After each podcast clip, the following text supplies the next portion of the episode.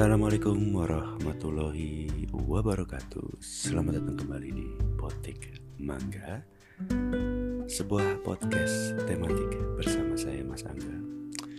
Sebuah podcast di mana jumlah pendengarnya lebih sedikit daripada jumlah episodenya.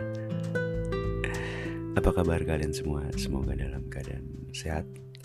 Semoga keadaan baik-baik saja. Um, Ini direkam pada saat uh, PPKM masih level 4 ya. Jadi semoga yang mungkin sedang isolasi mandiri pada saat mendengarkan ini Semoga sudah sehat, semoga sudah membaik keadaan Dan semoga kita semua semuanya diberikan kesehatan dalam menghadapi pandemi. Semoga badai cepat berlalu. Amin, amin, amin ya rabbal alamin. Uh, seperti gue bilang ini direkam pada saat PPKM masih level 4 Ini direkam beberapa hari setelah uh, Grecia Poli dan Apriani Rahayu meraih emas di Olimpiade Tokyo Medali emas pertama dan satu-satunya buat Indonesia di Tokyo 2020 Jadi emang uh, apa ya Euforia Olimpiade masih terasa Masih banyak ucapan selamat mengalir kepada Grecia dan Apriani.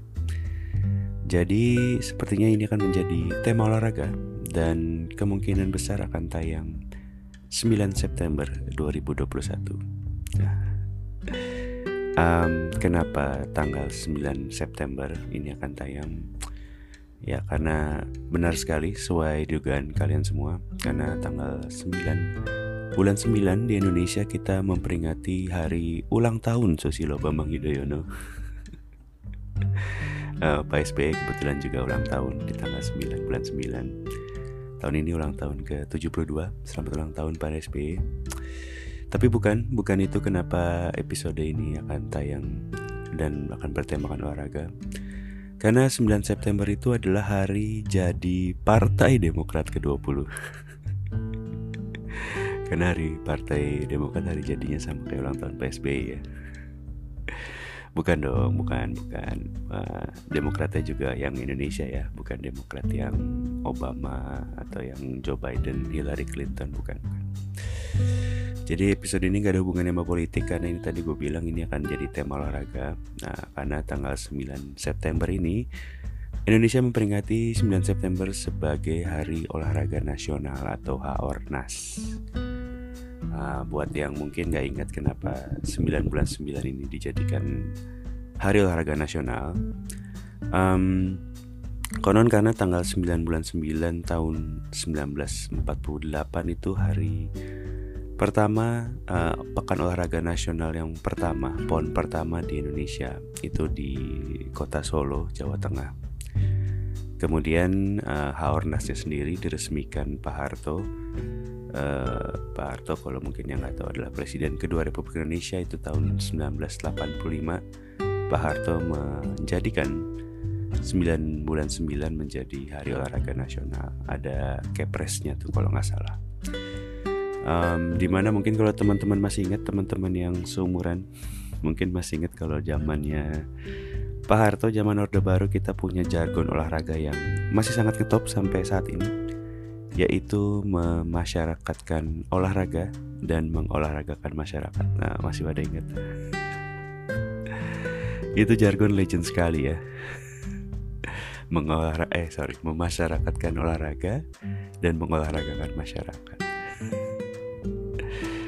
Um, kembali ke euforia Olimpiade. Uh, Olimpiade ini ajang olahraga multisport paling bergengsi sedunia Ajang di mana negara berlomba untuk menjadi hal yang terbaik di bidang olahraga. Um, Olimpiade itu semacam simbol mercusuar ya, uh, pameran para negara gitu buat menjadi negara dengan citra olahraga yang kuat gitu. Dan kemarin tanggal 2 Agustus Grecia Poli dan Apriani uh, juga um, Antoni sini suka ginting itu menutup Olimpiade dengan bawa medali satu emas dan satu perunggu. Jadi Olimpiade buat Indonesia sudah berakhir. Um, buat Indonesia doang ya, karena secara eventnya masih jalan sampai weekend ini nih. Hari Minggu tanggal 8 Agustus itu closing seremoninya Tokyo 2020. Tapi buat atlet Indonesia yang main di Olimpiade itu udah tuntas, udah nggak ada lagi atlet yang main. Jadi selain kemarin ada Ginting yang bawa medali perunggu, Gracia Poli dan Apriani juga terakhir tuh uh, kalau nggak salah atlet terakhir yang bertanding itu Mbak Nurul Akmal atlet pembawa bendera atlet asal Aceh di cabang angkat besi nomor 87 kg ke atas tapi memang belum beruntung membawa medali. Masih harus puas di peringkat 5 kalau nggak salah. Um, total prestasi Indonesia di Tokyo 2020 ini memang uh, lebih baik ketimbang Rio kalau nggak salah. Uh, kita membawa satu emas uh, Priani terus kemudian satu perak dari uh, Mas Eko Yuli angkat besi. Uh, ini kemudian Mas Eko Yuli ini empat medali Olimpiade berturut-turut ya kalau nggak salah ya. Empat apa tiga ya kalau nggak salah. Empat apa tiga um, perunggu dapat tiga kemudian uh, dari Anthony Ginting tadi uh, men single badminton. Kemudian dua perunggu dari uh, angkat besi dari Rahmat Erwin di kelas 73 kg dan Mbak Windy Cantika di kelas 49 kg. Uh, buat teman-teman yang mungkin nggak terlalu update mengenai Olimpiade dan bertanya mungkin berapa sih emang total atlet kita yang kita bawa ke Tokyo 2020 um, Total itu ada 28 atlet kalau nggak salah. Uh, Mereka bertanding di 8 cabang olahraga. Um, Buat yang belum tahu juga ngirim atlet tuh nggak kayak kita ngirim paket ke JNE ya. Jadi ada kualifikasinya, ada peringkatnya jadi nggak bisa ujuk-ujuk meskipun kita punya seribu atlet katakanlah jadi kita bisa ngirim seribu kontestan atau seribu uh, atlet buat dibawa ke Olimpiade nggak. Jadi tiap-tiap cabang tiap-tiap nomor ada ada kualifikasi sendiri. Dari uh, itu terlalu detail buat gua terangin di sini sih tapi intinya kurang lebih nggak bisa sembarangan kita bawa atlet ke sana. Meskipun katakanlah kita um, jago di badminton gitu. Kita kan lah kenapa sih atlet badminton yang kita bawa cuman sedikit? Gitu. Ya karena memang yang segitu itu yang lolos kualifikasi gitu. Nggak bisa kita mentang-mentang jago bawa atletnya bisa banyak gitu. Um, badminton masih jadi sumber rezeki medali Indonesia ya. Satu emas satu perunggu. Uh, tradisi emasnya masih dipertahankan. Kemudian angkat besi juga selalu menjadi andalan. Uh, jadi satu perak dan dua perunggu.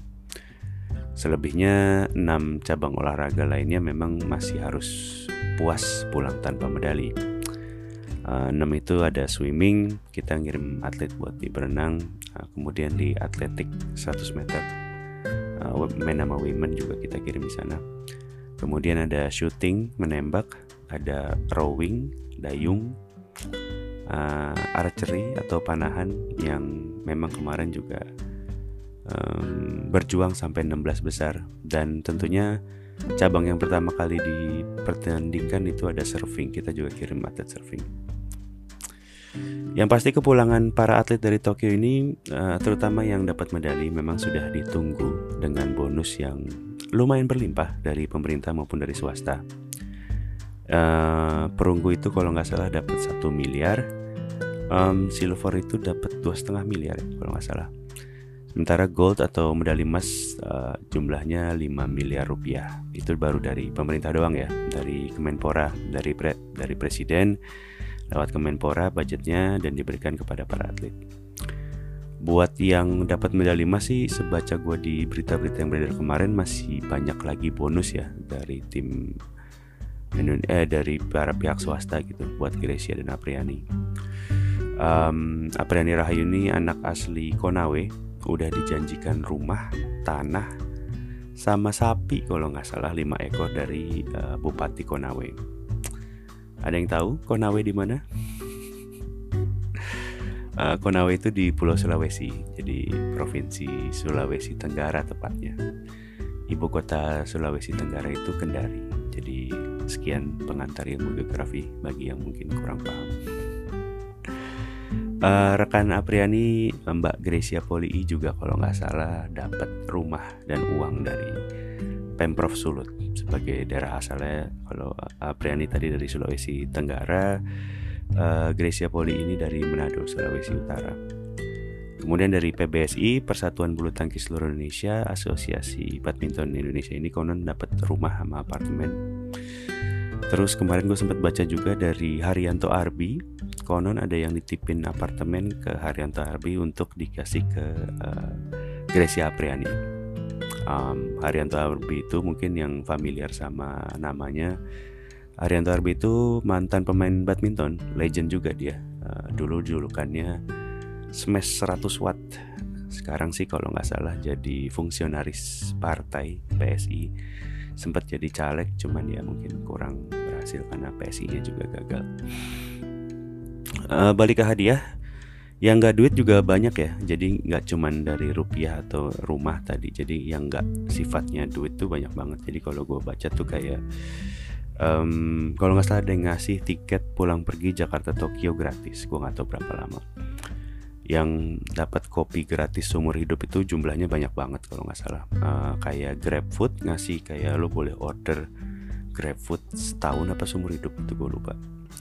Uh, Pak Menteri Sandiaga Uno juga kalau nggak salah via Kemenparekraf ngasih liburan gratis keliling Indonesia apa berapa destinasi Indonesia gitulah kurang lebih. Banyak banget sih banyak banget. Gue yakin pada saat episode ini tayang juga mungkin jumlahnya akan lebih banyak lagi ya. Uh, mungkin kalian bisa update sendiri.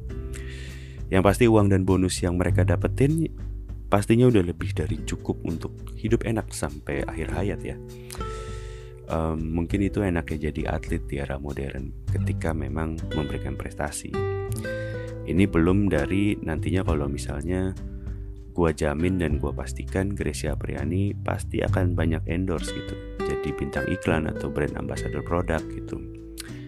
Kalau mereka bisa maintain dan punya strategi yang baik dalam merencanakan masa depannya sih, gue rasa mereka pasti akan hidup terjamin setelah emas Olimpiade ini gitu. Dan untuk yang bertanya, emang kalau dari Olimpiadenya sendiri dapat hadiah itu berapa sih? Mungkin penasaran gitu.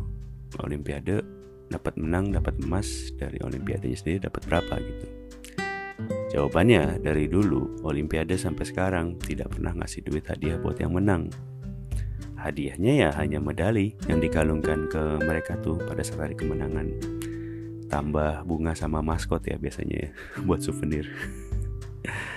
Uh, sisanya sih nggak ada hadiah dari olimpiade baik dalam bentuk uang gitu ya. Uh, kalau dari sponsor gue nggak paham sih tapi yang pasti Olimpiade nggak akan ngasih duit buat yang menang gitu. Mau emas kayak mau perak apalagi perunggu nggak ada tuh hadiah uang dari Olimpiade hadiah yang diterima para atlet ketika mereka menang medali ya memang murni kebaikan hati dari negara mereka masing-masing gitu dan para sponsor atau swasta Kenapa barusan gue bilang kebaikan hati negara? Karena memang dari negara itu sendiri tidak ada kewajiban untuk memberikan bonus atau hadiah gitu. Walaupun memang bonus atau hadiah yang diberikan itu hampir pasti ada lah di tiap negara. Karena itu sebagai penyemangat atau motivasi bagi tiap atlet untuk berlaga ya paling nggak ada motivasi tambahan lah gitu. Dan kenapa gue bilang tadi kebaikan hati juga karena memang di tiap negara di dunia ini beda-beda dalam memberikan hadiah. Nomor satu negara di dunia dalam memberikan hadiah bonus medali emas itu adalah jadi ini negara paling besar ngasih hadiah bonus emas ke atletnya yang medali yang menang medali emas di Olimpiade itu adalah Singapura, negara tetangga kita. Nah, di Olimpiade Rio 2016 itu uh, Joseph Schooling uh, peraih medali emas pertama buat Singapura dan satu-satunya sampai sekarang itu dapat satu juta dolar Singapura. Setelah menang 100 meter uh, renang dia cabangnya renang nomornya 100 meter. Cowok gaya kupu-kupu kalau gua nggak salah satu juta satu juta dolar Singapura itu kalau dirupiahkan kasarnya sekitar ya 11 miliar lah Uh, jadi 11 miliar rupiah itu bonus yang diterima schooling ketika dia di Olimpiade Rio 2016 itu menang lawan Michael Phelps. Dia mencahin juga Olympic record kalau nggak salah ya. Maafin gue kalau salah. Dan di peringkat dua, siapakah negara yang kasih bonus paling banyak buat atletnya? Ya, Anda benar 100%. Tiada lain, tiada bukan adalah negeri kita tercinta Indonesia. Indonesia memberikan hadiah bonus 5 miliar rupiah atau sekitar 350 ribu US dollar atau kalau tadi kayak Singapura 1 juta dolarnya ini Indonesia itu 470 ribu Singapura dolar setengahnya lah kurang lebihnya lumayan kan peringkat dua sedunia dalam hal memberikan bonus kepada atlet yang meraih medali emas um, menurut yang gue baca sih gue pernah baca ini data bonus itu dari Olimpiade Rio 2016 ya. Artinya mungkin um, bisa aja bonus yang diterima buat uh, pemenang emas Tokyo 2020 ini bisa lebih gede lagi. Uh, buat yang nanya negara-negara gede kayak Amerika dan China itu ngasih bonus berapa? Amerika itu ngasih 35 35 ribu US dollar. Atau kalau dirupiahin sekitar 500 jutaan cuman 10% dari Indonesia. Culun ya. Uh, China itu uh, 50 ribu US dollar atau sekitar 700 jutaan lah. Nggak nyampe semiliar lah. Pelit emang Cina. Tapi kalau ditotalin sih jelas budget Amerika atau China dalam memberikan bonus ke seluruh kontingen jelas akan lebih gede dari apa yang kita kasih atau Singapura sekalipun gitu. Karena Singapura dan Indonesia memang cuma punya satu medali emas Sementara Amerika dan China mungkin jumlahnya sekitar berapa? 30 atau bahkan 40 orang medali emas. Sorry 30 atau 40 nomor menang emas. Jadi kalau misalnya katakanlah mereka dapat 30 emas saja Kalau Amerika dikali 500 juta bonusnya itu sekitar 15 miliar.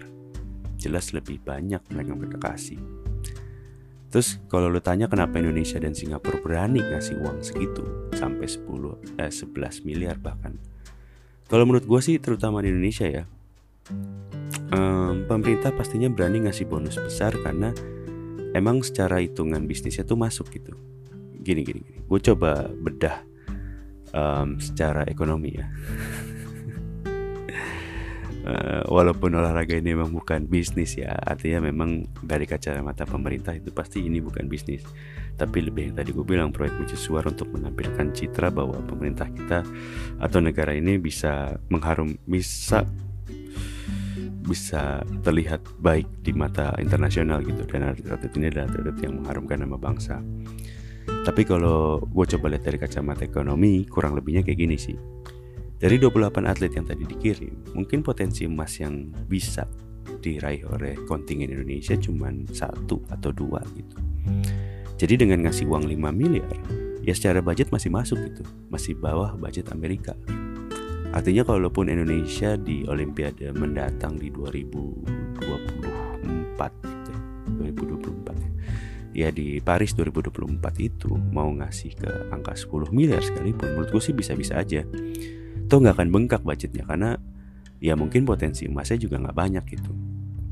Kemudian dengan sistem memberikan uang di akhir dengan cara bonus berlimpah setelah juara, ya tanda kutip lebih untung gitu. Ya untungnya gimana? Kayak Amerika aja ngasih bonus kecil cuman 35 ribu, 35 ribu US dollar gitu atau 500 juta. Karena emang selama sebelum mereka dikirim ke Olimpiade atau mungkin sebelum mereka bertanding membela negara investasi negaranya udah besar gitu. Investasinya dalam bentuk apa? Dalam bentuk fasilitas dalam bentuk gaji latihan uji tanding seragam sepatu mungkin dikasih rumah tempat tinggal dan banyak lagi lah Bayangin lu ngeluarin duit 5 miliar Ya mungkin kurang buat modal Tanda kutip ya. Modalnya tanda kutip untuk mencetak medali emas di Olimpiade gitu. Karena kemungkinan gagal atau kalah Atau nggak bawa medali ya masih ada terjadi gitu. Dengan kata lain investasinya masih bisa gagal, masih bisa rugi nggak balik modal gitu.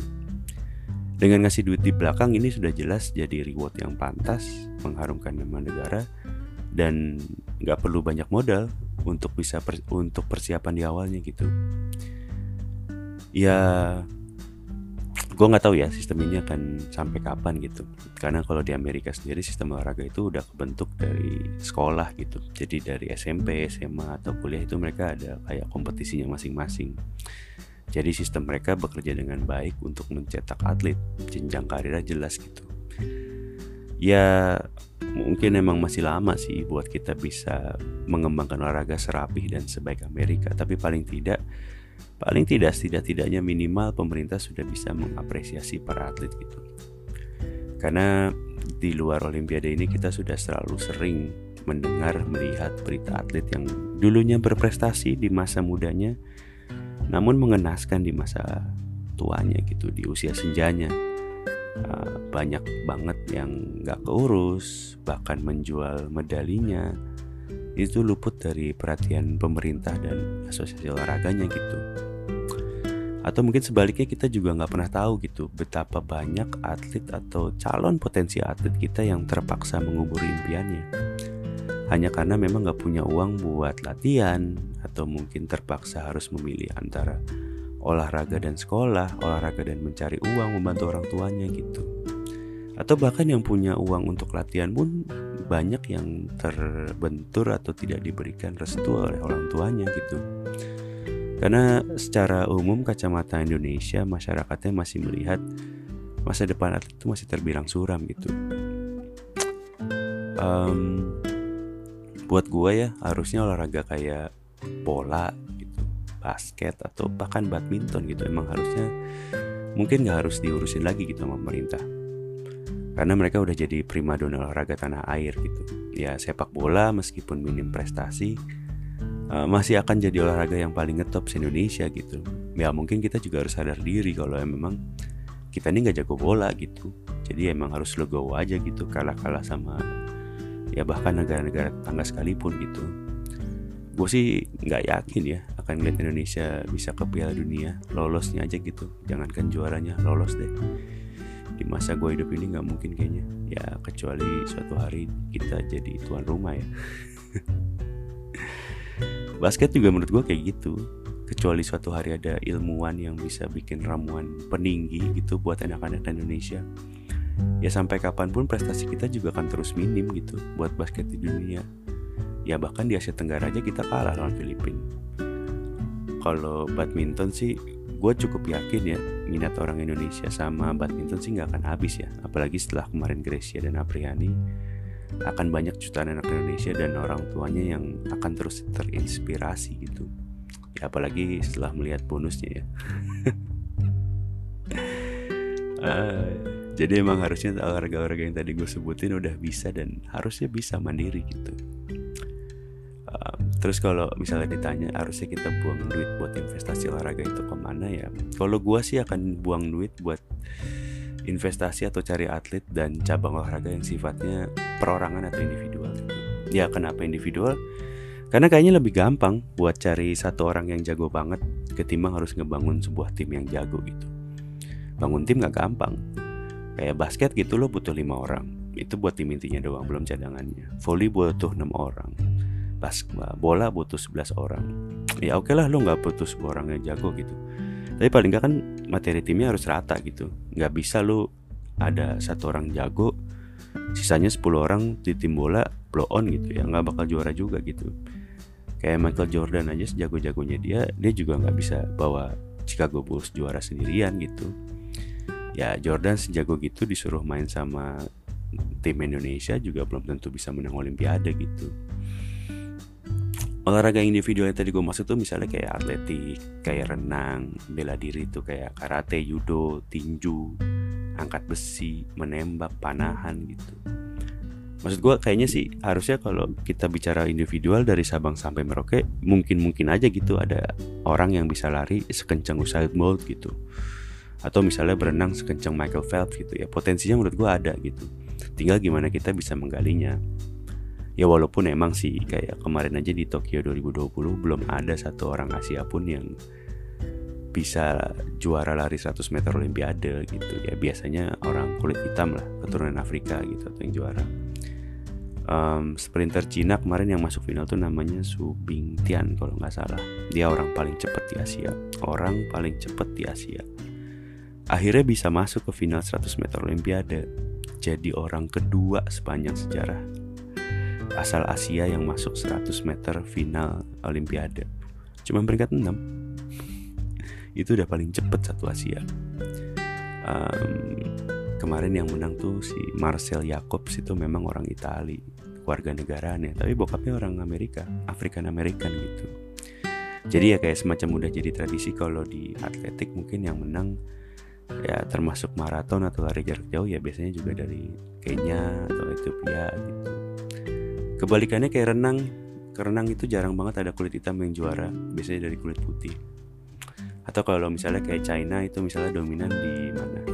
Di badminton tenis meja atau kayak Rusia mungkin dominan di apa? Gimnastik gitu misalnya. Filipina gitu atau Thailand atau kayak negara-negara Asia Tengah kayak Uzbekistan, Kazakhstan itu jago di tinju. Ya intinya sih banyak hal lah untuk membangun sebuah tim atau sebuah atlet yang berprestasi gitu. Ada masalah tradisi, ada minat pengembangan gitu. Dan gue nggak bilang kayak nggak mungkin kita bisa juara dunia bola gitu. Suatu hari kita masuk piala dunia dan menang piala dunia menang lawan Brazil gitu. Atau kita bisa medali emas olimpiade cabang basket menang lawan Amerika Dream Team gitu. Ya mungkin mungkin aja sih. Kehendak Tuhan mana ada yang tahu tapi ketimbang kita mencoba hil yang mustahil lebih baik kita mencoba di tempat yang mungkin kemungkinannya lebih besar gitu. Contoh paling gampang menurut gue angkat besi. Angkat besi itu sebuah olahraga yang sebenarnya secara apa ya secara pengembangan tuh belum maksimal menurut gue gue cukup yakin kalau dibina dengan baik angkat besi suatu hari akan meraih emas yang pertama gitu. Ya, semoga dalam waktu dekat gitu. Kalau misalnya difokusin misalnya dibina dengan baik gue nggak yakin bukan yang nggak mungkin gitu ya. Tiga atau empat olimpiade lagi kita bisa dapat emas dua digit gitu 10 emas 11 emas gitu. Tinggal mau apa nggak mau aja sih maksud gue jangan cuman taunya tuh olahraga cuman bola atau badminton gitu. Ya tolonglah dimasyarakatkan lagi gitu olahraga olahraga olahraga yang gak ngetop tapi bisa bawa medali dan masyarakatnya juga diolahragakan gitu. Balik ke tadi jargon yang menurut gue sangat old school dan orde baru banget. Tapi menurut gue masih sangat relevan buat sekarang gitu memasyarakat olahraga dan mengolahragakan masyarakat. Ya itu tadi. Jangan cuma bola jangan cuma basket jangan cuma badminton. Mari kita cari potensi-potensi di tempat lain gitu. Karena kalau kita masih berkutat di olahraga-olahraga yang ngetop itu doang ya menurut gue sih akan sulit buat kita berprestasi. Udah anjing 27 menit goblok. Oke, sebagai penutup, semoga masyarakat yang olahraga sesuai dengan jargonnya memasyarakatkan olahraga dan mengolahragakan masyarakat. Saya berpesan untuk masyarakat yang olahraga Semoga tidak hanya berolahraga di CFD dan di Sudirman Tamrin ya Karena menurut saya olahraga bisa kapan aja dan di mana saja Nggak harus hari Minggu, nggak harus di Senayan, nggak harus di GBK Semoga yang mendengarkan semua sehat. Semoga kita semua dalam keadaan baik-baik saja. Sampai jumpa di episode lain dari Potek Mangga. Wabillahi taufiq wal hidayah. Assalamualaikum warahmatullahi wabarakatuh.